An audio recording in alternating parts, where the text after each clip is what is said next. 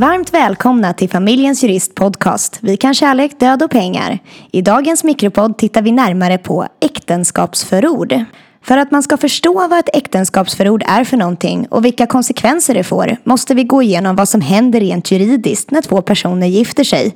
Men allra först tar vi upp några begrepp som är bra att ha koll på när man pratar om äktenskapsförord. Bodelning. Det är en uppdelning av tillgångar och skulder som görs när ett äktenskap tar slut på grund av skilsmässa eller dödsfall. Giftorättsgods är tillgångar och skulder som ingår i en bodelning. Enskild egendom är egendom som inte ingår i bodelning på grund av villkor i testamente, gåvobrev eller äktenskapsförord. Många tror att man från och med dagen man gifter sig äger hälften av ens makes tillgångar och skulder.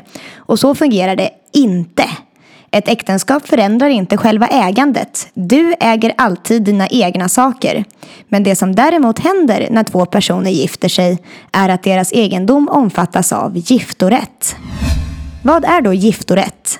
Vid en bodelning har makarna rätt till halva värdet av makarnas sammanlagda tillgångar minus skulderna oavsett vem som äger respektive tillgång. Om ena maken äger huset har den fattigare maken alltså rätt till halva värdet av huset, inte halva huset. Giftorätten kommer från en tid då ena maken jobbade mycket medan andra maken möjliggjorde den andres karriär genom att sköta barnen och hemmet.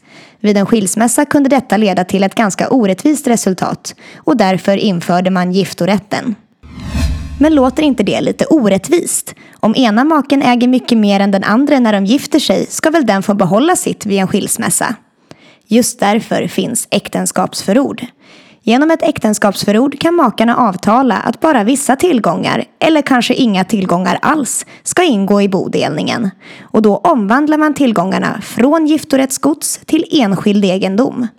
Ett äktenskapsförord kan också i vissa fall omvandla enskild egendom till giftorättsgods.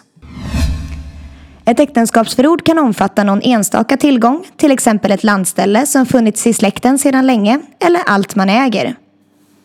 Det är bra att man träffar en jurist innan man upprättar äktenskapsförordet så att det blir utformat på rätt och rättvist sätt. Du vill väl till exempel inte att bara din makes egendom ska vara enskild medan allt ditt är giftorättsgods. Det innebär ju att ni vid en skilsmässa ska dela lika på värdet av dina tillgångar men inte din makes.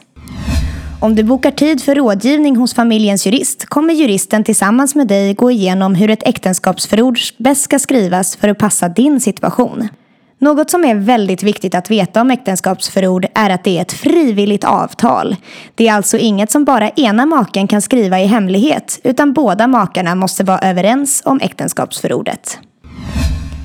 Hur upprättar man ett äktenskapsförord? Äktenskapsförordet kan man upprätta strax innan man gifter sig och under äktenskapet. Förordet ska undertecknas av er båda och sen skickas in till Skatteverket för registrering mot en avgift. När äktenskapsförordet registrerats blir det juridiskt bindande. Och när du tar familjens jurist hjälp med att upprätta äktenskapsförord ser vi förstås till att det blir registrerat på rätt sätt. Men är det inte väldigt oromantiskt och girigt med äktenskapsförord? Tvärtom. Med ett bra äktenskapsförord minskar ni risken för bråk om ni någon gång skulle gå skilda vägar. För då har ni ju redan bestämt hur bodelningen ska gå till. Dessutom får man komma ihåg att ett äktenskapsförord bara blir aktuellt om äktenskapet tar slut.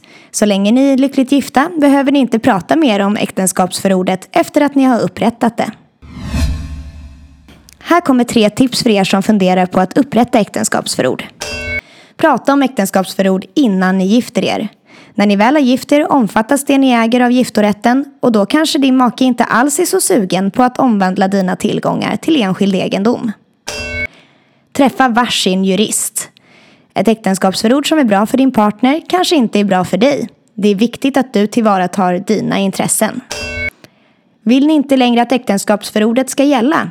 Inga problem. Boka en rådgivning hos familjens jurist så hjälper vi er att upprätta ett nytt äktenskapsförord som speglar er nuvarande situation.